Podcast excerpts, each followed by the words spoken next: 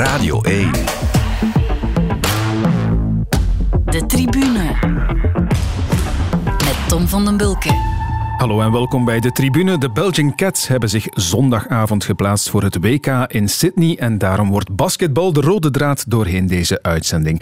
Bij ons in de studio twee gasten die groot geworden zijn met een basketbal. Goedenavond ex-bondscoach Filip Mestag. Goedenavond. En goedenavond ook sportzaak-collega Karel Bertelen. Dag Tom. Filip, je bent helemaal uit het verre Ieper afgezakt eh, naar Brussel. Geen last gehad van konvooien of blokkades op weg naar hier? Nee, helemaal niet. Ik, uh, ik had geen risico genomen, als was op tijd vertrokken en uh, ik heb helemaal niks gemerkt van, uh, van blokkades of uh, protestacties. Nee, ik ook niet. Het was uh, zelden zo kalm eigenlijk op de Brusselse ring, moet ik zeggen. Maar het is wel een eindje rijden natuurlijk vanuit het verre Ieper dus. Dat klopt, ja. Dat is ongeveer een 140-tal kilometer tot aan de studio ja. hier. Ja. ja. Karel, um, de ingangen van de VRT waren vandaag ja. zwaar afgesloten. Mm -hmm. Intussen mogen we dat zeggen, want uh, we moesten dat een tijdje stilhouden. Maar jij bent niet zoals ik uh, langs het bos en de achterdeur nee. moeten binnensluipen. Maar ik kom van de andere kant, hè. dus ik kom altijd binnen langs de RTBF-kant. -huh. En daar was de deur open, de poort open, ik zal het zo zeggen. Dus nee, nee, geen enkel probleem voor mij. Oké. En je had ongetwijfeld zin om te komen, want jij als basketbalreporter kent Filip Mestag uiteraard goed. Ik denk een jaar of zes nu zeker, is, sinds, de Cats, sinds jij begonnen bent bij de Cats. Ik heb het uh, daarvoor ook nog gevolgd. Uh, met Benny Mertens nog en zo. Uh, vanaf 2003 denk ik. Dus toch al een twintig jaar dat ik de Cats volg. Ja. Dus, mm -hmm. En Philippe was, ja, wat het ook natuurlijk aangenaam maakt, achter de schermen af en toe eens een woordje in het West-Vlaams. Dus dat is plezant. dat is vaste kost als je er bent, inderdaad. Ik heb het even opgezocht. Jullie zijn allebei geboren in 1963. Ik ja, kwam er toevallig op klopt. uit. Allebei West-Vlamingen. We schelen drie maanden, denk ik. Philippe is drie maanden ouder. Ja, ja. ja. En allebei gebasketbald in de jeugdjaren jaar, maar elkaar nooit tegengekomen. Denk het niet. Ik denk het ook niet. Um, ja, ik ja. heb altijd, uh, of ik heb de jeugd doorgelopen in Nieper en daarna ja, iets lager gaan spelen, onder andere vierde klasse bij Langemark, um, bij Oostkamp in derde klasse. En ben eigenlijk uh, ja, mijn carrière ja. als actief speler gestopt in Poperingen. En dat was toen okay. ook nog in vierde klasse. Ja, ja, ja. Ik heb alles doorlopen in Kortrijk. Dus maar het zal wel zijn hè, dat het Kortrijk Ieper, dus dat zal zeker een match geweest zijn. Ja, zeker. Maar ja. ik kan het me niet herinneren. Heb je het opgezocht misschien? Nee, nee, nee. Okay.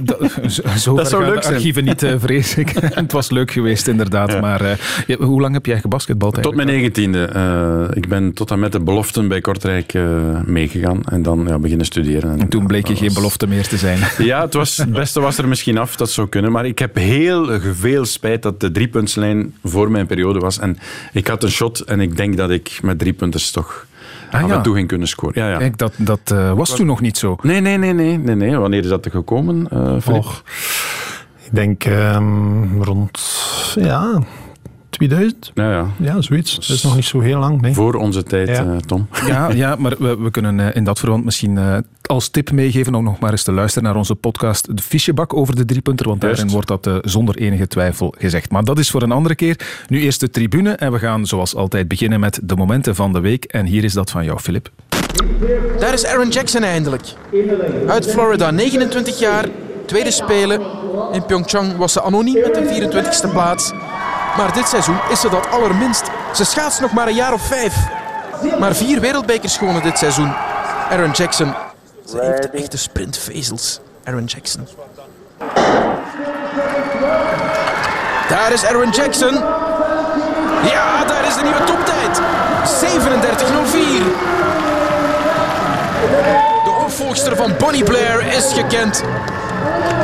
Drievoudig Olympisch kampioene Blair weet dat uh, de Olympische titel in goede handen is bij Aaron Jackson.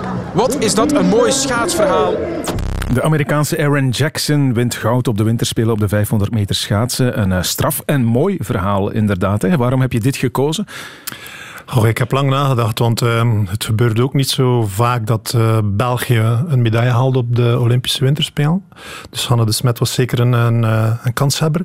Mm-hmm. Maar toen ik het verhaal hoorde achter uh, Aaron Jackson vond ik dat wel een, een moment uh, dat we moeten kunnen delen met, uh, met luisteraars. Ja, de eerste Afro-Amerikaanse atlete die goud behaalt in, in een wintersport zoals schaatsen. Um, En wat ook een feit is, ze is blijkbaar nog maar vijf jaar geleden begonnen met schaatsen. Klopt, ja. Ik heb dat even wat gaan op, ben dat even gaan opzoeken, ook op internet. En uh, ik heb zelfs beelden gevonden van uh, toen ze vijf jaar geleden voorzichtig op een, met schaatsen aan op een ijspiste kwam. Um, ze is toen pas beginnen schaatsen omdat ze eerst haar studies wilde afmaken. En ze moest ook nog zorgen voor haar zieke mama. Die mama is uh, toen jammer genoeg overleden. En dan pas is ze echt begonnen met, uh, met zich volledig toe te leggen op, op dat schaatsen. Mm. Ze had wel een verleden in het skileren. Hè? Daar was ze echt wel goed in ook. Ja. Dat is dan natuurlijk de voorbode, zou je kunnen zeggen. Ja, als je dat inderdaad. kunt, kun je met een beetje training... Inderdaad. En dan, ehm, als je ziet nu, ja, natuurlijk... Uh, dat moet een toptalent zijn, maar dan met de goede begeleiding en de, de goede motivatie en doorzettingsvermogen, ja, wil ik gewoon maar een keer aantonen dat heel veel mogelijk is in topsport. Ja. Uh, een prachtig voorbeeld. Absoluut. Karel, jij bent ook wielercommentator, hm. uiteraard. Net uh, als op de winterspelen zie je ook in de koers weinig, weinig. zwarte sporters. Ja, hè? inderdaad. Ja. ja. dat, valt, dat valt wel op. Ja. Wat, wat Aaron Jackson nu doet, dat zou zijn alsof een zwarte renner een voorjaarsklassieker wint straks. Misschien kun je die vergelijking wel maken. Pas op, hè. Binam Germay, onze ja. Eritreer, niet onderschatten. Dat is een goeie, hè? Ja, ja vice-wereldkampioen bij de belofte geworden in Leuven. Ondertussen al een rit gewonnen. Pas op, hè. Ze, ze, misschien komt het er ooit wel van, hè. maar het is inderdaad het is, het is een, bijna een unicum. Ik herinner me ook die, die zwarte zwemmer zeker ooit eens op enkele spelen. Dat ja, was wel ja. een ander verhaal, want die werd dan laatste en verdronk net was niet. geen succes. Nee, dat was geen Erik succes. Uh, Moussambani. Ja, juist. Ja, Erik. ja. En dus ja, kijk, in, in het wielrennen, dat is waar, ja. Het is natuurlijk niet makkelijk om in Afrika, denk ik, uh, alles in gereedheid te brengen en te organiseren om, om te koersen. Natuurlijk. Nee, maar ik zat... Ja, ik, ja, ik denk dat dat wel klopt, want uh, je moet ook geluk hebben waar dat geboren wordt. En uh, hmm. als je ziet nu, die, die zwarte atleten zijn, hebben eigenlijk alles om het te maken, en, zeker in individuele sporten. Um, wat ik ook fantastisch vond aan dat verhaal was dat ze Erin eigenlijk uh, niet geplaatst was voor de Olympische Spelen. Um, ze was in de trials pas derde geworden. En is eigenlijk uh, pas door een landgenote, mm -hmm. uh, Bowie, die haar plaats afstond. En waardoor ze kon aantreden op de Olympische Spelen. Dus dat is eigenlijk ook nog een markant detail in, in dit verhaal. Ja, gewoon op het topniveau iemand die zijn plaats op de Olympische Spelen afgeeft voor een, uh, voor een atleet, Heel knap, een ja. andere atleet Ja, ja. uit Ierland. En die wint dan natuurlijk nog goud, dat is fantastisch. Ja, ja. Als het over uh, zwarte en, en, blanke atleten gaat, heb je natuurlijk ook vaak te maken met uh, de fysionomie voor bepaalde sporten die, die een rol speelt. Ik moet dan nu spontaan denken aan de uitspraak white man can jump. maar dat is ondertussen ook wel een beetje achterhaald, zeker. Dat is achterhaald, maar we kunnen niet verstoppen dat de zwarte atleten ja. wel iets meer hebben op -hmm. dat gebied dan blanke atleten. Ja. Ook in het basketbal. Ja, voilà. Het is, het is over het basketbal dat ik het had. Nee, dat is juist, ja, ja, ja, Zeker weer. En iets anders ook um, voor Afrikaanse uh, mensen en atleten. Rijden in een peloton dat moet je ook leren. Hè? Ja, ja, uiteraard. Want hier draaien we allemaal rond de kerktoren en zo ja. groeien we. Maar zo leer je ook wel bochten nemen en zo. Ja, ja. niet simpel natuurlijk. Ja. Hè. Aaron Jackson heeft dus uh, bewezen dat ze top is in en schaatsen. In en 2025 WK in Rwanda. Hè. Ja, dat dus gaat een, uh, dat zal ervan komen. enorme belevenis worden, uh, denk ik. Daar kijken we naar uit, absoluut. Over naar jouw moment dan, Karel. Hm. Hier komt het. A new name will be engraved on the FIFA Club World Cup trophy tonight. Chelsea, the European champions, taking on Copa Libertadores winners Palmeiras in the final here in Abu Dhabi. Pulisic, Hudson Odoi, towards Lukaku! Romelu Lukaku makes the breakthrough for Chelsea early in the second half. And Palmeiras now have to come from behind. Penalty to Chelsea. Can Chelsea go back in front? Havertz puts it in. Applause from the owner. Chelsea are the club World Cup champions. A dramatic final. Chelsea 2, Palmeiras 1. Romelu Lukaku wint het WK voetbal mm -hmm. voor clubs met Chelsea. Wat vindt hij daar bijzonder aan? Ik heb het nu eventjes voor Lukaku. En ik heb uh, een beetje medelijden met die mens. Echt waar. Uh, het valt nu samen ook dat het twee ja, donkere mensen zijn waar we het nu over hebben in onze fragmenten. Ik vind persoonlijk, en excusez-moi le mot, maar de shit en de bagger die Lukaku al over zich heeft gekregen, het incasseringsvermogen van die mens, ik vind dat fenomenaal. Ik blijf verwonderd staan kijken wat hij allemaal kan en hoe hij iedere keer terug overslaat. Het was geloof ik nu, ik volg het niet in detail, maar een match of zes geleden dat hij niet gescoord had. Mhm. Of zo. So what? In godsnaam, heb toch een heel klein beetje geduld. Enfin, je weet het als coach ook even goed, misschien nog wel beter dan ik, maar wat Lukaku allemaal meemaakt, en we hebben het gehad in dit jaar nu al, of sinds vorig jaar, ehm, Osaka, de tennister, ehm, Simone Biles, de mentale problemen. Maar de mentale problemen die deden zich voor intern. Wij wisten dat niet. Ze zijn daar zelf mee naar buiten gekomen. Dit wat Lukaku meemaakt, is allemaal op sociale media en iedereen die maar zin heeft om hem uit te schelden en als hij twee of drie keer niet scoort of een kans mist, en dan gaan we maar eventjes, omdat het een zwarte is, en hij kan het niet meer en dit en dat. Ja, sorry, maar op sommige momenten, als hij eh, dan ziet staan en hij mist dan een kans, hij kan zo ook treurig kijken en weten van zichzelf van, ja, dit had erin gemoeten. En dan staat er zo'n grote mens, zo'n stevige beer. En dan denk je, jongen, laat je daar toch niet door doen. En dat vind ik het knap. En dat is zoals in de koers ook. Antwoorden met de pedalen. Ik zeg nu, antwoorden op het veld. Lukaku, hij scoort een hele knappe goal. Zo'n buffelstoot, kopbal. Ja, typisch Lukaku, maar ik, ik vind dat knap. Ik kan daar niet aan doen. Ik vind het heel erg dat zo iemand dit allemaal moet meemaken. Ja, je, je ziet wel vaak, of je hoort wel vaak, eh, dat het dezelfde kritiek is die telkens weer naar boven komt als hij een beetje minder aan het presteren is. Hè, dan gaat het weer over eh, zijn gebrek aan een echt goede techniek, aan Juist. zijn, zijn mindere balcontroles. Komt elke keer weer naar boven. Hè. Anderzijds, Karel, kun je misschien ook zeggen, als je komt met een prijskaartje van 100 miljoen euro rond je nek, ja, als, Dat je dan zes, matchen, zijn. dan, als je dan Ja. zes matchen niet scoort, Goed. Ja, lijkt het mij ook niet zo onlogisch dat er al eens gezegd wordt van hallo, hoe zit Ja, het hier? maar eh, zet ze maar allemaal op een rij. Hè. Wat krijgt Messi allemaal niet over het hoofd nu in, in Ja. PSG? Wat heeft Ronaldo al niet moeten meemaken? Iedereen. Van Zijr mist nu een penalty. Pas op, hè, als hij volgende week niet scoort tegen Charleroi. Het gaat ook beginnen. Hè. Ik weet niet of iedereen daartegen bestand is. En dat is een beetje iets wat ik wil aanbrengen van... Jongens, inderdaad, heb geduld. Ook voor de, de, de speler en, en de, de sporter zelf. Ja... Je kunt het. Je hebt het bewezen. Je bent het waard, zelfs met 100 miljoen. Dus ja, het is toch niet iedere dag bij ons ook Hosanna Hoezee als wij werken, hè? Ik heb al eens een mindere dag, dat kan ik gerust toegeven. Dat wil ik nu toch wel even aangeven. Filip, jouw mening? Ja. Och ja, ik denk dat dat ook een beetje in de hand gewerkt wordt ehm, door eh, sociale media en zo verder. Ehm, Tegenwoordig kan alles nu. En ehm, van zodra dat er een sportevenement geweest is of whatever what, ehm, ja, is het gemakkelijk om van achter je pc of van achter je, je gsm een, eh, ja, een kritische noot te sturen of op, eh, ja, openbaar te maken. En beleven, ja, bagger gooien is nu totaal in. En ehm, op sociale media is dat nu veel gemakkelijker dan vroeger. Vroeger had je dat niet. En het is inderdaad voor, voor atleten dat is een bijkomend probleem nu. Om, ja, ook die spelers, speelsters lezen alles wat op social media komt. En dat is Heb, nog heb je daar zelf iets van gemerkt, bijvoorbeeld toen jullie met eh, de Cats met één puntje verschil verloren van Japan op de Spelen? Want toen zijn er ook wel wat dingen gepasseerd in de trant van, ja, op het moment van de waarheid maken ze het niet waar en de Cats, het zal een net niet verhaal zijn en blijven. Heb je daar toen iets van gemerkt of sluit je je op zo'n moment af voor, voor dat soort dingen? Want jij eh, zit bijvoorbeeld ja. ook een Twitter-account. Ik, heb, eh, ik zit inderdaad op Twitter, maar ik vind op Twitter ah, is het nog behoorlijk ça va. Ja. Ehm, maar voor de rest eh, hou ik me niet bezig met social media. Want ik vind als je je als coach daarmee gaat bezighouden, dat je een klein beetje weggaat van, van het doel waarvoor dat je moet, of het doel dat, dat je voor ogen hebt.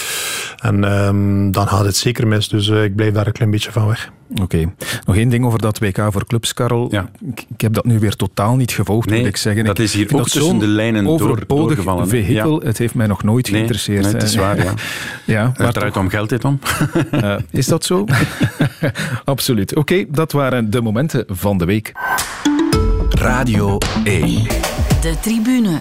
Hoog tijd voor basketbal nu, want dat is de reden uiteindelijk waarom jullie hier zitten. En we beginnen met de kwalificatie van de Belgian Cats voor het WK in Sydney eind september dit jaar. Welkom in eh, Washington voor deze belangrijke wedstrijd voor de Belgian Cats. Met de tegenstander die hier wordt eh, voorgesteld, Puerto Rico. 98 punten. Nee, de 100 komt er net niet. 65, 98. Nog 10 seconden in eh, België, Verenigde Staten. En het is gedaan. Ja, ze stopt ermee. Geen eh, poging meer. Met een goed einde blijft, eh, blijven de Cats onder de 10 punten. On avait l'impression qu'il y a encore plus possible pour, pour l'équipe. Oui, mais il nous faudrait des séances de travail un petit peu supplémentaires. Mais je trouve que dans l'engagement, dans la volonté, Euh, dans l'intelligence de jeu, je trouve qu'on joue bien au basket. Julie Alman, Emma Meijseman natuurlijk. eh, Zij gaat genieten. De wedstrijd tegen de Russinnen, dat wil ze wel. Een minder momentje. Het is niet slecht. Het zijn goede shots. Ze gaan er momen- momenteel niet in. En als de Rus, eh, Russinnen nu scoren, wou ik zeggen. Maar wat is allemaal goed. Voilà. Op het juiste moment. Remonte. Het is voorbij. België verpulvert eh, Rusland. Met 66-43. On prépare les valises hein, pour aller à Sydney. Super trois matchs. Et ce soir, je vais boire 4-5 pina coladas.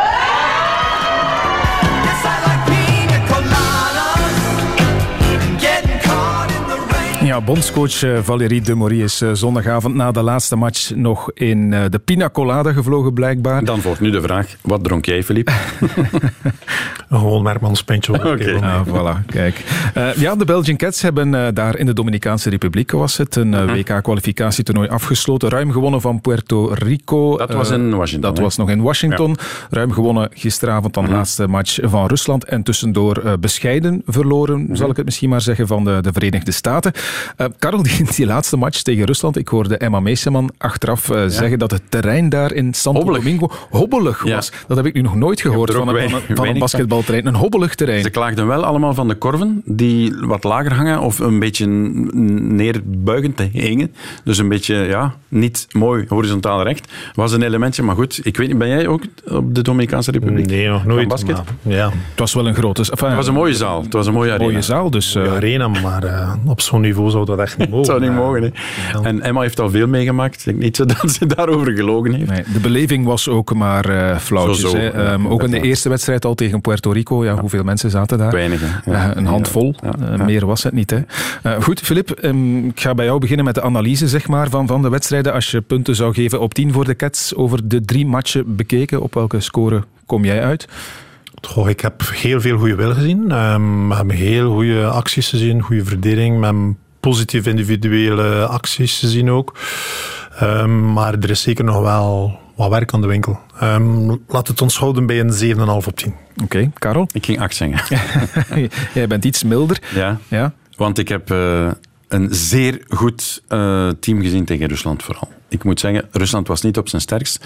Maar hoe ze gisteren verdedigd hebben en 43 punten maar laten tegenscoren, dat is knap. En dat is bij jou in jouw periode niet vaak zo gebeurd. Hè? Nee, klopt. Tuurlijk, ja, Rusland eh, werd heel goed aangepakt. Ehm, dat was heel verstandig om onmiddellijk ehm, de gas open te draaien. Eh, scherpe verdediging, scherpe tegenaanvallen, eh, shots die lukten, high-low relaties die, die goed zaten tussen Emma en, en Chiara. En dan maak je onmiddellijk een kloof. En zoals voor het, het geval was voor België, was ook eh, voor Rusland eh, in dit geval juist hetzelfde. De belangrijkste match was, is, of is tegen Puerto Rico. Dus die wedstrijd moet absoluut gewonnen worden. En dan eh, heel snel, vind ik, hebben, ze, hebben de Russen eigenlijk de handdoek gegooid. Want ze hebben weinig weerwerk geboden. De coach heeft ook al zijn spelers... flink laten roteren. Ik denk, eh, ja, er zijn twee spelers die, die, die 5 of 26 minuten halen, de rest minder dan 20. En dat heeft hij dan gedaan in, in, eh, met het vooruitzicht van de wedstrijd morgenavond tegen Puerto Rico. Ja, maar dat, dat is een, een, een meepakkertje. Hè. Van Puerto Rico moeten we nu toch geen schrik meer hebben. Nee, nee, wij hebben er nu ook al uh, verschillende keer tegen gespeeld. Dat is nummer Ehm, 18 in de wereld. Dan is dat toch een groot en verschil. Hè? In dat verband wilde ik eigenlijk vragen, de kwalificatie nu voor zo'n WK, mogen we dat stilaan een vanzelfsprekendheid vinden voor de Cats? Of, of is dat niet zo? Hè? Kun je het vergelijken met de Rode Duivels die zich plaatsen voor een EK of WK, wat we nu intussen toch de normaalste zaak van de wereld vinden? De moeilijkste en de zwaarste stap voor, voor eh, België en voor alle Europese landen is het gewoon het EK van het jaar ervoor. Want daar moet je je plaatsen tussen de eerste vijf.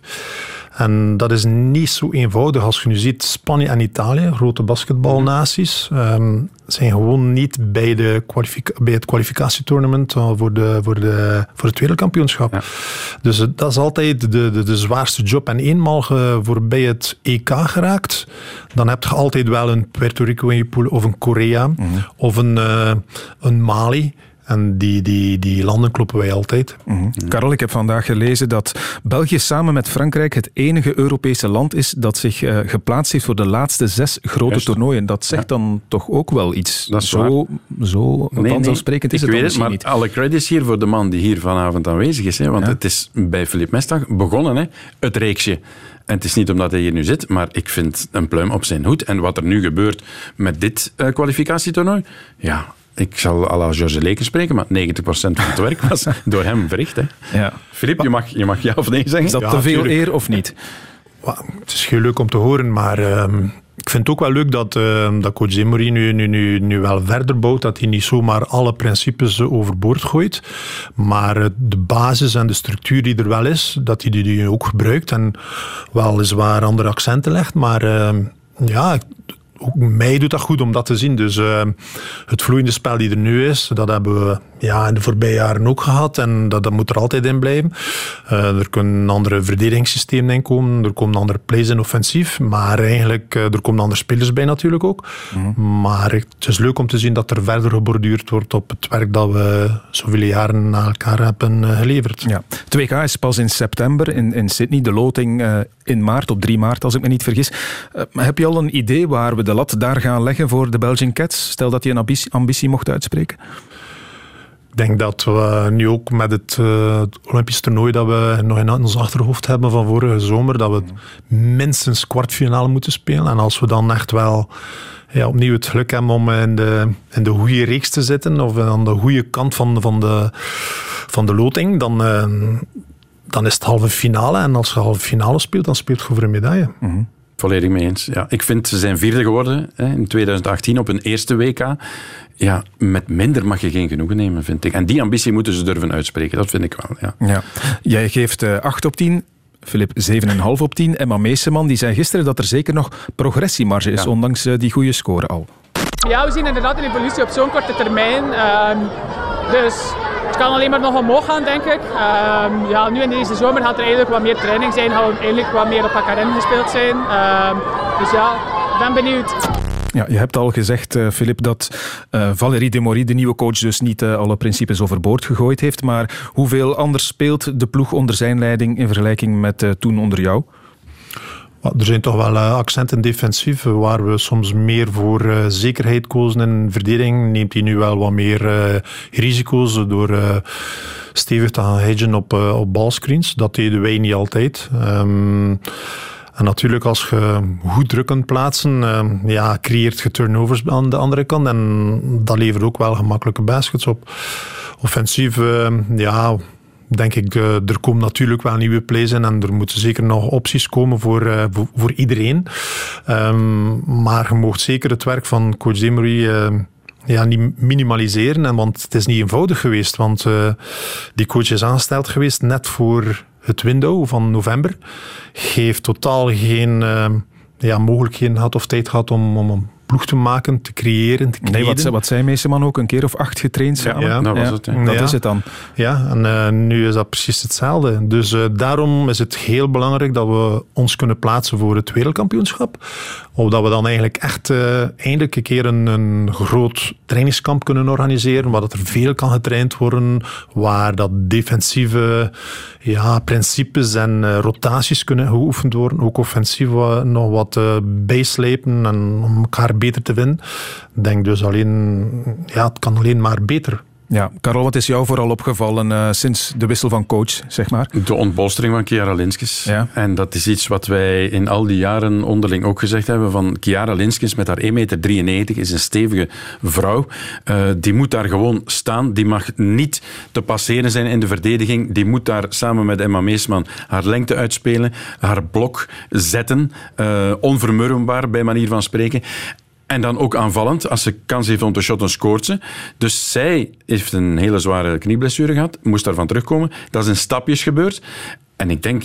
enfin, we gaan het nooit weten, maar mocht Philippe bondscoach gebleven zijn, dat ging allicht ook gebeurd zijn. Ik bedoel, zij maakt de evolutie nu door. En het klikt met Emma Meesman en met, met, uh, met de coach. Dus ja, dat zijn elementjes die spelen. Maar het komt er nu eigenlijk allemaal uit wat we jaren tegen elkaar gezegd hebben. Dat zou er toch wel eens mogen uitkomen. En nu kun je op haar bouwen en vertrouwen. Voor de match tegen Rusland was Julie Van Loo, ook Belgian Cat, televisiegasten, studiogasten mm. op televisie bij Ruben van Gucht. En daar zei ze het volgende over Kiara Linskes. Zullen we het over Kiki even hebben?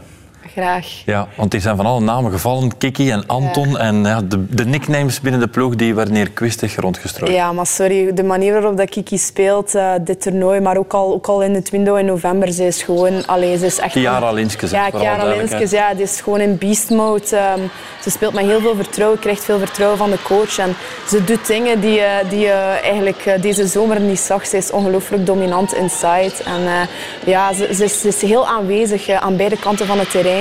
Als Chiara vertrouwen heeft en als ze haar goed voelt. Kijk, dit is, dit, als Chiara dit doet, dan, dan, mag je, heel goed. Voilà, dan, mag je, mag, dan is ze zeer gelukkig en dan voelt ze haar goed. En uh, het doet mij zoveel plezier om haar zo te zien. Uh.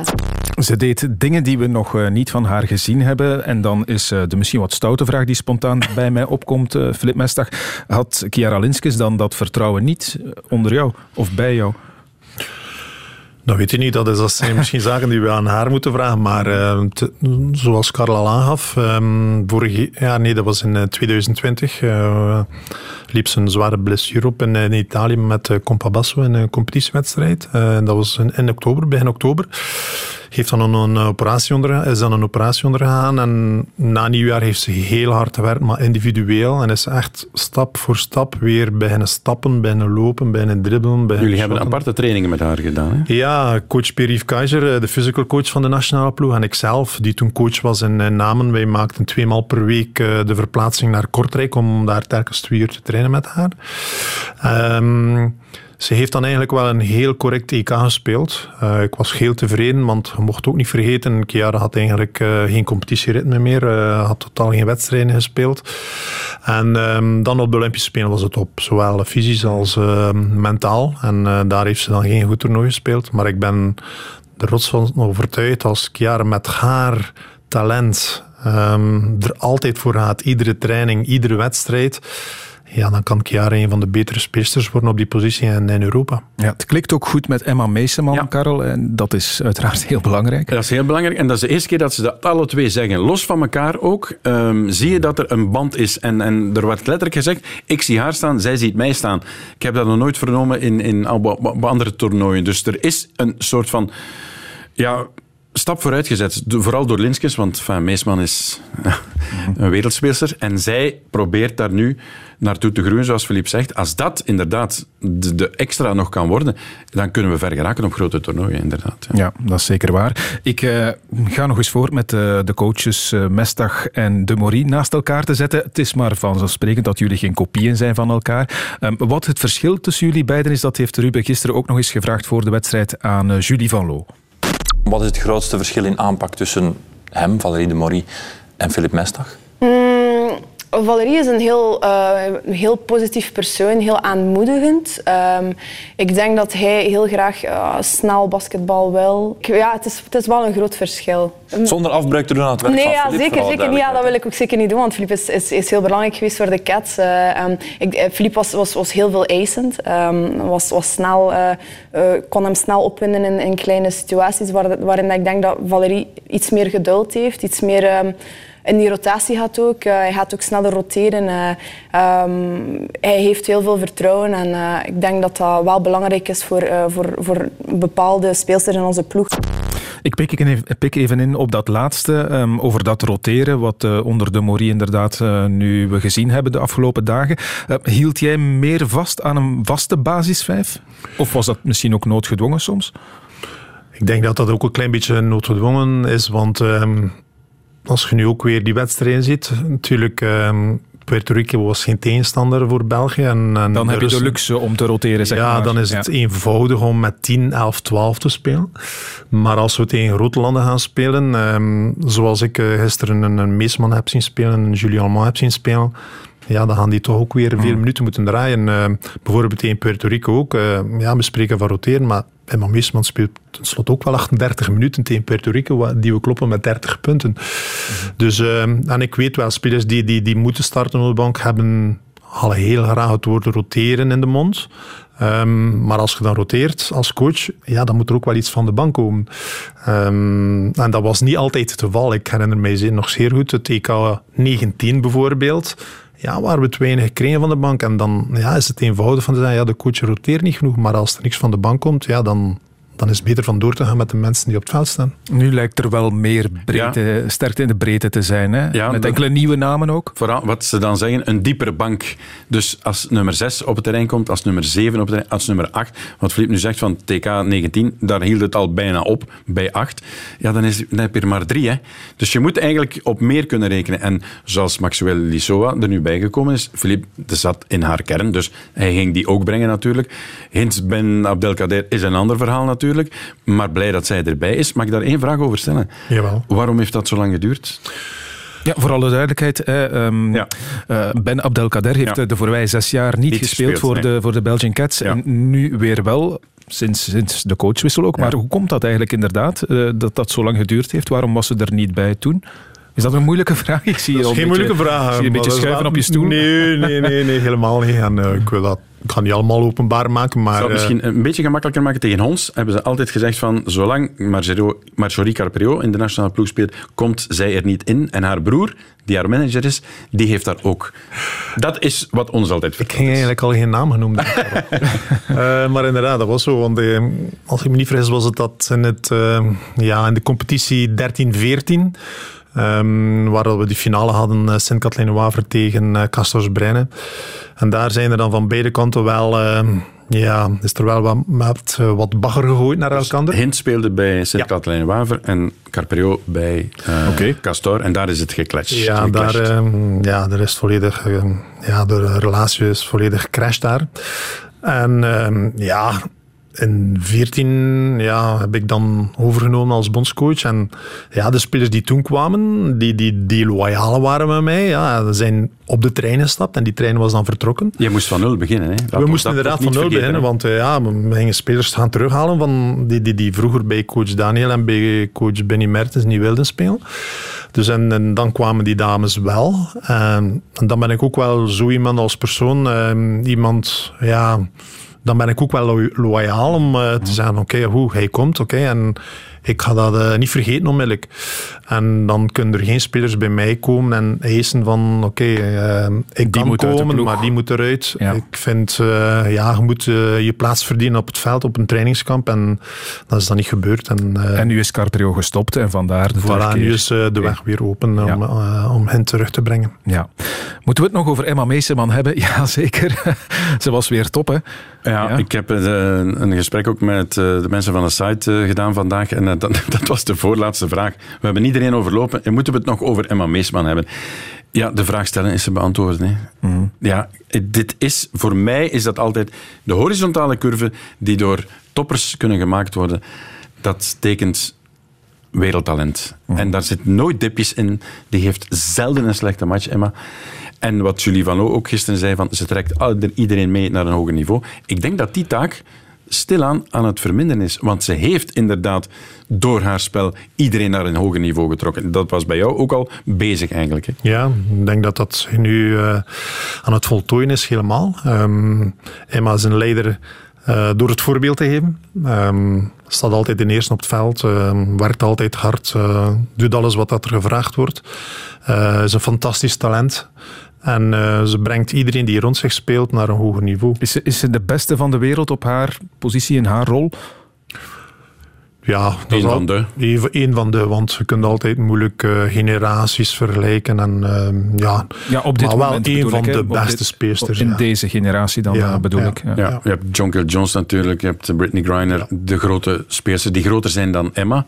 Die kunnen wel soms een match helemaal doen kantelen. Emma heeft daar een paar van onze speelsters voor nodig, denk ja. ik. Um, is het gevaar bestaande dat we, of we, als dat de Belgian Cats tenminste, te afhankelijk zijn van haar? Wat als ze een blessure oploopt, is, is, is er dan een plan, een alternatief? Maar ik denk dat we dat uh, bij veel landen te, terugvinden. Um, Vadeva van Rusland. Ja, je ziet bijvoorbeeld gisteren we spelen tegen Rusland. Vadeva is eigenlijk de meeste man van Rusland. Ja. Die is er niet bij. we hebben ook geen Shilova. We hebben ook de Amerikaanse Bentley niet erbij. En ja, dat was, dat was totaal geen, geen ploeg van, van hoog niveau gisteren. Uh, maar met, met die drie meisjes erbij, ja, dan, dan krijg je weer een ander Rusland.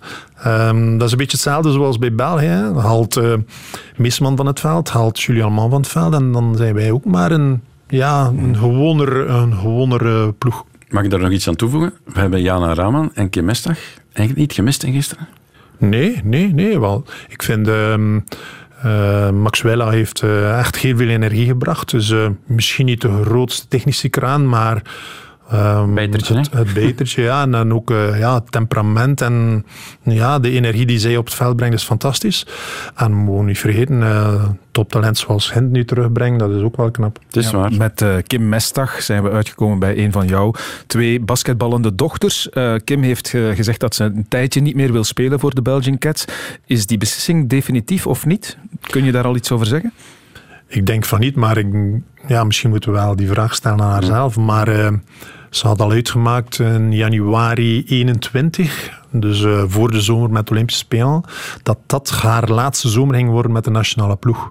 Dus dat was al beslist. Dat was ook gecommuniceerd met, uh, met het managementteam van de, van de nationale ploeg. Maar daar is er dan niks mee gebeurd. En ja, dan ontstaat er wat geisa omdat ze, omdat ze ja, niet meer selecteerbaar is in, in november.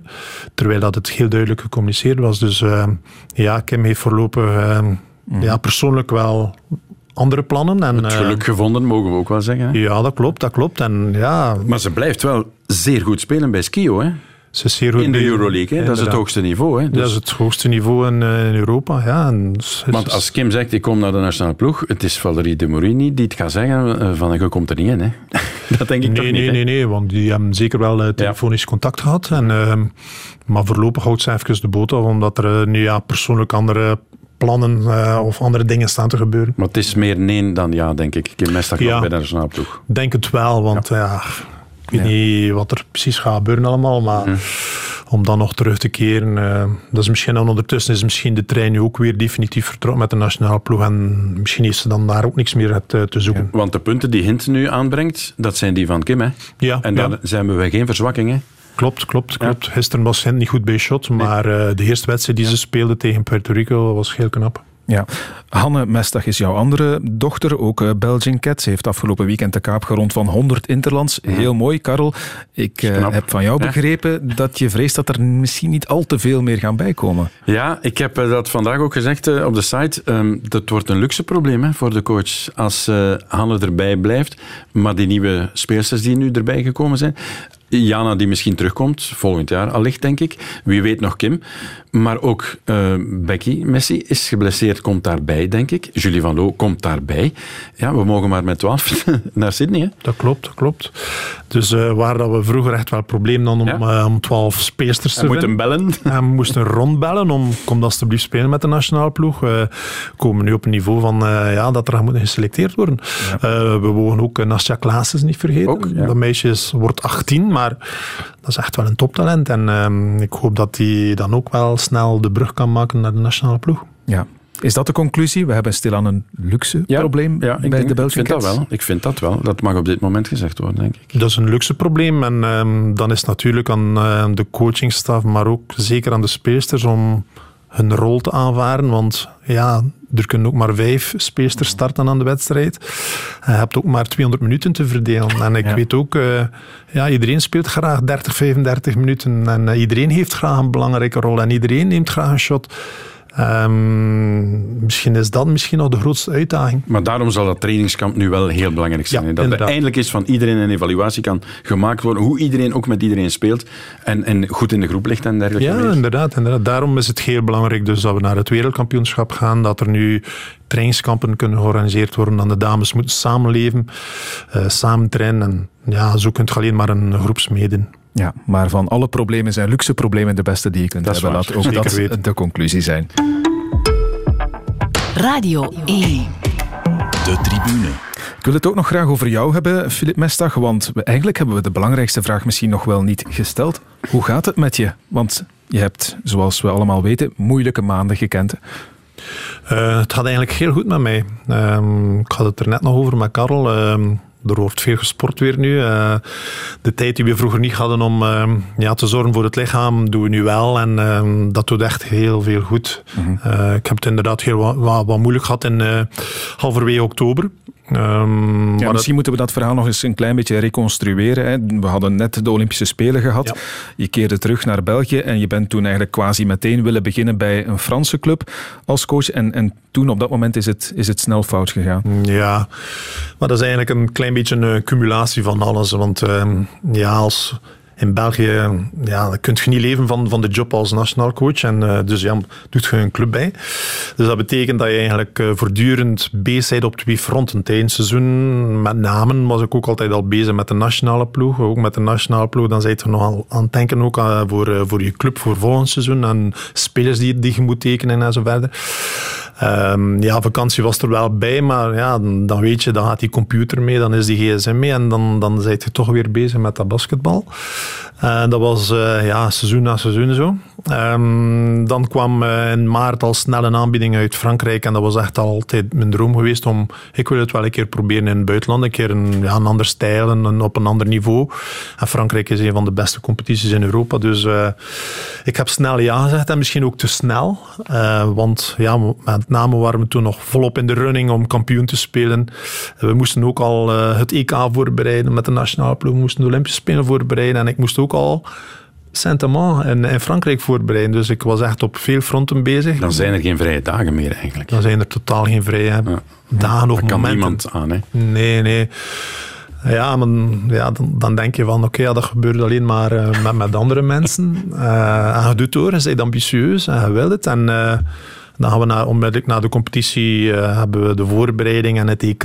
Onmiddellijk na het EK voorbereiding en, uh, en Olympische Spelen. En ik moet zeggen, het waren niet de eenvoudigste periodes, want uh, nogmaals, met al dat corona-gedoe, dat heeft echt wel voor heel wat problemen gezorgd. Niet alleen in onze ploeg, maar ja, organisatorisch en wedstrijden die gecanceld werden. En dat was niet eenvoudig om ja, daar bijvoorbeeld in Japan drie weken opgesloten te zitten mm -hmm. in een hotel en, en, eigenlijk nooit de zon te kunnen zien of, of warmte te kunnen voelen. Dat is... En dan, uh, ja, dan heb je de Olympische Spelen die, die, die goed starten met winst in Australië, winst in Puerto Rico, dan natuurlijk die domper tegen uh, Japan en dan uh, moet je naar huis komen. En ja, ja, we zijn de zaterdagavond thuisgekomen en ik zat de dinsdagmorgen al in mijn wagen richting Frankrijk en uh, dat was niet echt slim bij mij. Was, het, was dat het moment van de crash al, waarop je echt door had van ik zit er hier fysiek, mentaal helemaal door? Dat Wist je meteen ook ja. dat, het, dat het een burn-out was? Want ik kan me wel voorstellen dat je dat niet meteen beseft. Dat je denkt van, wat is hier met mij aan de hand? Want wel, je, je merkt ja, het ook fysiek, dat, hè? Ja, dat klopt. En ik dacht niet aan een burn-out. Ik dacht aan iets meer fysisch. En ik zeg, uh, dacht, ja, ze gaan wel iets vinden in het hospitaal. En uh, dat zal wel uh, snel geklikt zijn. En dan, dan, dan komt dat wel weer in orde. Maar nee, maar dat was ook een, uh, ja, was fysisch uitgeput. En ook s'morgens, uh, ja, om 7 uur, 7 uur 30 al in die auto. Moest je eigenlijk al sleep naar de auto om te vertrekken. Uh, je kwam aan de zaal, dat was even, altijd mooi op tijd, maar even nog een keer vijf minuten nog vijf minuten en daarna ondertussen een kwartier. En dan pas uit je auto stappen om, om, om in de zaal binnen te stappen om uh, aan je job te beginnen. Mm -hmm. Want toen voelde het aan als, als een job. Mm -hmm. ik, ik sta heel graag op het veld. Maar toen voelde het echt aan als een job. En uh, inderdaad, dan, dan hadden we een ochtendtraining. En ja, dan was ik echt aan het transpireren. Ik was kortademig. Uh, ja, ik voelde me totaal niet goed. En uh, de spelers gaan dat, de assistentcoach gaan dat. En dan ben ik echt wel nog naar huis gereden. Ik weet niet hoe. Mm -hmm. Maar ja, dan komt natuurlijk de diagnose en die was niet zo, niet zo positief. Ja, en, en dan komt dat nieuws dat je contract als bondscoach niet verlengd wordt. Dat had je dan ook nog eens niet zien aankomen, denk ik? Nee, dat zag ik ook niet aankomen. In hoeverre uh, heeft dat ook nog de dingen verergerd? Dat is zeker niet de reden, maar uh, dat heeft zeker ook geen goed gedaan. Uh, dat klopt. de manier waarop dat gebeurde. Ik had veel liever gehad dat het managementteam mij gezegd had na de Olympische Spelen? Oké, okay, Filip, hier stopt het. -hmm. het is mooi geweest, maar we zouden graag een, een andere richting uitgaan. Dat ging veel beter kunnen appreciëren en waarderen. Ehm, maar uh, ja, dan, dan moet je ook niet in kranten laten schrijven van oké, het eerste dat we willen doen na de Olympische Spelen is de coachingstaf opnieuw tekenen. Ja, dan, dan geef je toch een verkeerd signaal. En, uh, Want jij gaat naar die meeting met het idee van we verlengen. Ja. Er was geen enkel ander signaal. Nee, nee, nee, nee, nee, nee. Want ja, na ons laatste contact dan heb je vier, vijftal weken ja. ertussen en dan krijg je geen telefoon, geen berichtje meer. En dan, dan voelt dat echt wel raar. En dan, ja, dan uh, merk je toch wel dat er uh, wat nattigheid is. Mm -hmm. Vond je het onterecht? Goh, ik uh, moet zeggen, ik kan het echt wel plaatsen. Um, want als je coach bent, als je trainer bent, en dat is niet alleen in de basketbal, maar in voetbal ook zo, dan moet je ook beseffen van, ja, je start aan een project, maar ja, ben x aantal maanden, jaren, dan, dan stopt dat. Als je daar niet mee kunt leven, dan, dan, dan is het misschien wel beter dat je een andere job zoekt. Uh, dus ik kan dat wel plaatsen. En, uh, ja, nee. Ja. Ik zat wel zelf te denken van, stel, Filip Mestag verliest niet die kwartfinale op de Spelen tegen Japan met één puntje verschil, dan is hij vandaag nu misschien nog bondscoach. Denk je dat ook? Ik denk dat ook, ja. Ja. Zo, ik denk zo, dat ik uh, afgerekend word op, op die ene, dat ja. ene verlies. En Heb dan... je daar fouten gemaakt als je daarop terugblikt? Zou je dingen anders doen nu, wetende hoe het gelopen is? Ik denk dat ik toch wel bij mijn gameplan zou blijven, maar we hebben ook op het veld wel wat uh, fouten gemaakt. Ja, niet vergeten, er was een voorsprong. Hè? Ja, inderdaad. Japan was ik zal niet zeggen van het terrein gespeeld, maar er was een voorsprong. Het is dan begonnen. En iedereen spreekt natuurlijk over dat ene punt en dat laatste shot dat er dan niet ingaat. Maar het is ervoor natuurlijk ook een beetje gebeurd. Hè? Klopt, ja. Dan maken we ja, gemakkelijke fouten in verdediging, waar we geklopt worden in een backdoor. En uh, offensief zie je ook nog altijd twee gemiste open layups. Um, ja, gaan die erin, dan is het totaal geen wedstrijd meer nee, op het einde. We nooit spreken over dat laatste shot. Dan hebben we ook nog de ongelukkige vrijwillige fout van Julie Van Loo. Dat, ja. ja, en, ja, en dan... Ja, ik herinner me de drie punters van Japan hebben ons ook genekt natuurlijk. Ja, dan, ja. Daar dat, kwam geen eind aan. Hè? Nee, maar ja, dat weet je op voorhand dat, ja, ja, uh, dat, dat die waar. ploeg dat kan en dat dat hun sterke punt is. Dus, uh, ik herinner me nog dat jij meteen na die wedstrijd wel een, wel een goede nuchtere analyse kon maken, maar dat heeft er echt wel diep ingehakt hè, toen bij, bij het team. Zeker. Uh, als je die die emotionele reacties zien na de wedstrijd bij de spelers, ja, dat hakt er wel in. Je staat op een drempel van een Olympische medaille. Ja, nogmaals, uh, we spraken net over de doelstellingen of uh, ja, de ambities die de nationale ploeg uh, zou moeten uitspreken voor het WK mm -hmm. volgende zomer. Um, ja, dat was dat juist hetzelfde. Hè? Dus uh, op het einde, als je halve finale speelt, dan heb je twee kansen op een juist. medaille en een Olympische medaille. Mm -hmm. Ja, daar speelt je wel voor. Hè? Ja, Karel, we hebben het net gezegd, het kan dan van zo weinig afhangen, één of twee puntjes. Dat is zoals in het voetbal, een bal op de paal of erin. Hè? Kan, kan de toekomst van een coach uh, ja, is zo. En het was... in, in twijfel. Begrijp jij dat er, dat er dan gekozen is voor iemand anders? Dat is moeilijk. Ik vind dat moeilijk. Het is natuurlijk, het was gecumuleerd. Hè. Het was op TK ook zo. Hè. Je wint ook, of je verliest ook die match voor, uh, in de halve finale ja. met één punt. En ja. dan, ja... Ik mag het dan misschien niet terugbrengen op dat ene momentje. Als jij zegt, het is een cumulatie van... Ja, maar het was twee keer één punt. En ja. dat, was, dat, dat was dan... En dan was ook de, de, de mededeling van, we hebben iemand nodig die dat wel kan omzetten in eindstrijd en medailles pakken en zo. Maar het hangt dan inderdaad, en ook tegen uh, Servië, de Belgen leiden ook. Hè. Het is ook teruggekomen tot op het eind. Het is niet dat je verliest, terugkomt en net niet wint. Nee, nee het was omgekeerd. Ja, klopt, Twee klopt. keer. Hè. Ja.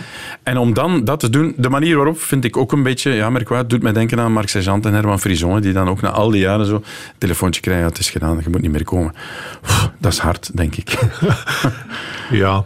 Want wat, wat is dan de reden geweest tegenover jou ja. om niet te verlengen? Ik ben ook nog altijd voor aan de partij om, om, om, om de reden eigenlijk te horen. Ja, ja. Dus uh, met het feit ja, dat je geen uh, medaille haalde op de Olympische Spelen, dat je, geen, dat je niet de finale speelde op een Europees kampioenschap, zal er natuurlijk ook wel, uh, wel te doen. Maar zover zijn we dus gekomen. Hè? Mm -hmm. Dat dit de insteek wordt. Hè? En dan mogen we toch wel met ambitie verder kijken. Dus dit is de evolutie die de jongste zes jaar gemaakt is. Als het bestuur ook zegt van, we hebben de finale van het EK gemist en we hebben geen medaille op de Spelen. Ja, maar van waar komen we in vijf, zes jaar? Klopt, ja. In eh, 2015 hadden we nog geen enkel punt op de wereldranking. En eh, ondertussen staan we toch maar lekker zesde. Ja, ja dat is mooi. Ik weet het helemaal niet hoor, Filip, maar ehm, had jij het gevoel dat de groep nog volledig achter jou stond? Dat die inderdaad nog met jou wilde doorgaan, ook na de Spelen, ook na die match tegen Japan die, die fout afgelopen was? Of kreeg je andere signalen? Moet ook weten wanneer dat je ehm, ja, zo lang on the road bent en ehm, je moet toernooien spelen en je hebt zo'n lange voorbereiding, dat er altijd wel iets is. Ehm, alles is nu zonneschijn, maneschijn met, met coach Emery. Ehm, maar wacht maar, eh, binnen zes jaar eh, gaat dat ook wel eh, een ander verhaal zijn. Gaat er ook wel iets zijn, want er gaan ook spelers zijn die iets minder mogen spelen. En dat zijn dan altijd wel de eerste die gaan zeuren. Mhm. Ja, dat is overal zeker zo. Heb jij nu bepaalde lessen getrokken uit wat je meegemaakt hebt in die voorbije maanden, uit die burn-out ook, voor jezelf? Jawel, ehm, dat we eigenlijk allemaal moeten goed zorgen voor onszelf. Ehm, dat we goed moeten zorgen voor ons lichaam, zowel fysisch als mentaal. En dat we eigenlijk wel een, eh, ook al houden we van onze job, zijn we ambitieus, doen we het graag, zullen we eigenlijk alles doen en misschien nog, eh, nog meer uren ermee bezig zijn, dat we echt wel een goede balans moeten vinden tussen eh, werk, stress en ontspanning en een beetje rust. Ja, je hebt ook wel hulp gezocht hè, en gelukkig is dat geen taboe meer deze dagen. Een therapeut eh, aangezocht, physical coach nu ook, zei je daarnet al. Ja, Ja, klopt, klopt. Dat heeft geholpen dan ook allemaal. Ja, dus ik was thuis en ik, ja, ik ben eigenlijk drie, vier weken heb ik eigenlijk geen stap buiten gezet. Ehm, was ik alleen maar thuis. En eigenlijk heb ik ook alleen maar ehm, eh, rust gevonden op het moment dat het contract met eh Saint-Amand ontbonden was. Want dat gaf mij ook wel wat rust. Want zolang dat je nog onder contract zit, zit je ook wel verantwoordelijk voor die club, voor de spelers hè, die, die je laten tekenen hebt. En dan heb je ook wel een soort van schuldgevoel. Maar eenmaal dat dat contract dan ontbonden was, eh, Lot uh, Wielvaart heeft daar echt wel een goede job in gedaan, dan kon ik eigenlijk rust vinden. En eh, ja, dan eh, heb ik inderdaad ook een therapeut gezocht, want ik ben niet de grootste verteller, maar blijkbaar was het dus wel eh, best om, een, eh, om iemand, onafhankelijks te zoeken, om toch over alles te kunnen spreken. Dat heb ik dus gedaan. En eigenlijk Was dat louterend, ja? Was dat louterend om eens te kunnen vertellen tegen iemand? Goh, ehm, voor mij, de eerste meeting was, was voor mij de, de, de beste meeting die ik had met, eh, met mijn therapeut. Want die kon echt heel goed uitleggen van in welke fase ik zat. Iemand die in zo'n periode zit, eh, ja, wil onmiddellijk eh, terugvechten en wil terug naar die basketzaal en wil onmiddellijk herbeginnen. Maar eigenlijk, het eerste wat ik moest doen was aanvaarden. Dat was een, een aanvaardingsfase starten. Heeft jou daarvan behoed dat Ja. hij dat zou doen? Inderdaad, inderdaad. Ja. Dus ehm, ja, en dan pas kom je tot rust. En dan was van oké, als je nu wilt rusten, dan moet je rusten. Eh, als je wilt een serie bekijken op televisie, bekijk die serie. Maar aanvaard het. Aanvaard het. En dan pas, dan pas kunnen we opnieuw bouwen. Ja, en gelukkig gaat het nu weer veel beter. Je gaat eh, ook weer coachen bij de Kortrijk Spurs, een vrouwenteam. Fantastisch, hè? Vanaf volgend seizoen, hè, dacht ik. Ja. dan Maar ga je naar de aan, bakker van ga in de... naar Kortrijk. Ja. Ja, ja. Nee, nee. ehm, ja, Kortrijk is echt wel een, een ambitieuze club. Ehm, daar hebben ze nu al de, de ploegen uit de streek eh, gefusioneerd. En tot Een vijf jaar project zeker, hè? Ja. Ze begonnen? Ja. Dat is gewoon eh, fantastisch, want al die clubs samenbrengen onder één noemer. Ik denk dat die club eh, 65 eh, teams heeft. Dus eh, die moeten allemaal een trainer hebben, die moeten allemaal een eh, zaaldeel hebben om te kunnen trainen, om te kunnen wedstrijd spelen. Eh, dus de structuur is er, ehm, alles is goed georganiseerd. En ja, nu met, eh, met meneer Steve Rousseau, ehm, de, baas of, de, eigenlijk de patroon van House of Tenants in Kortrijk, ehm, hebben ze echt wel een ambitieuze voorzitter. En ja, ik kan het moeilijk uitleggen, maar ik had onmiddellijk een goed gevoel. En ehm, ja, vandaar dus ehm, heb ik eh, snel getekend in Kortrijk om volgend seizoen te kunnen starten. Zijn er aanbiedingen geweest van mannenclubs? Eh, er zijn vage contacten geweest, maar... eh, Zou je dat willen doen? Of?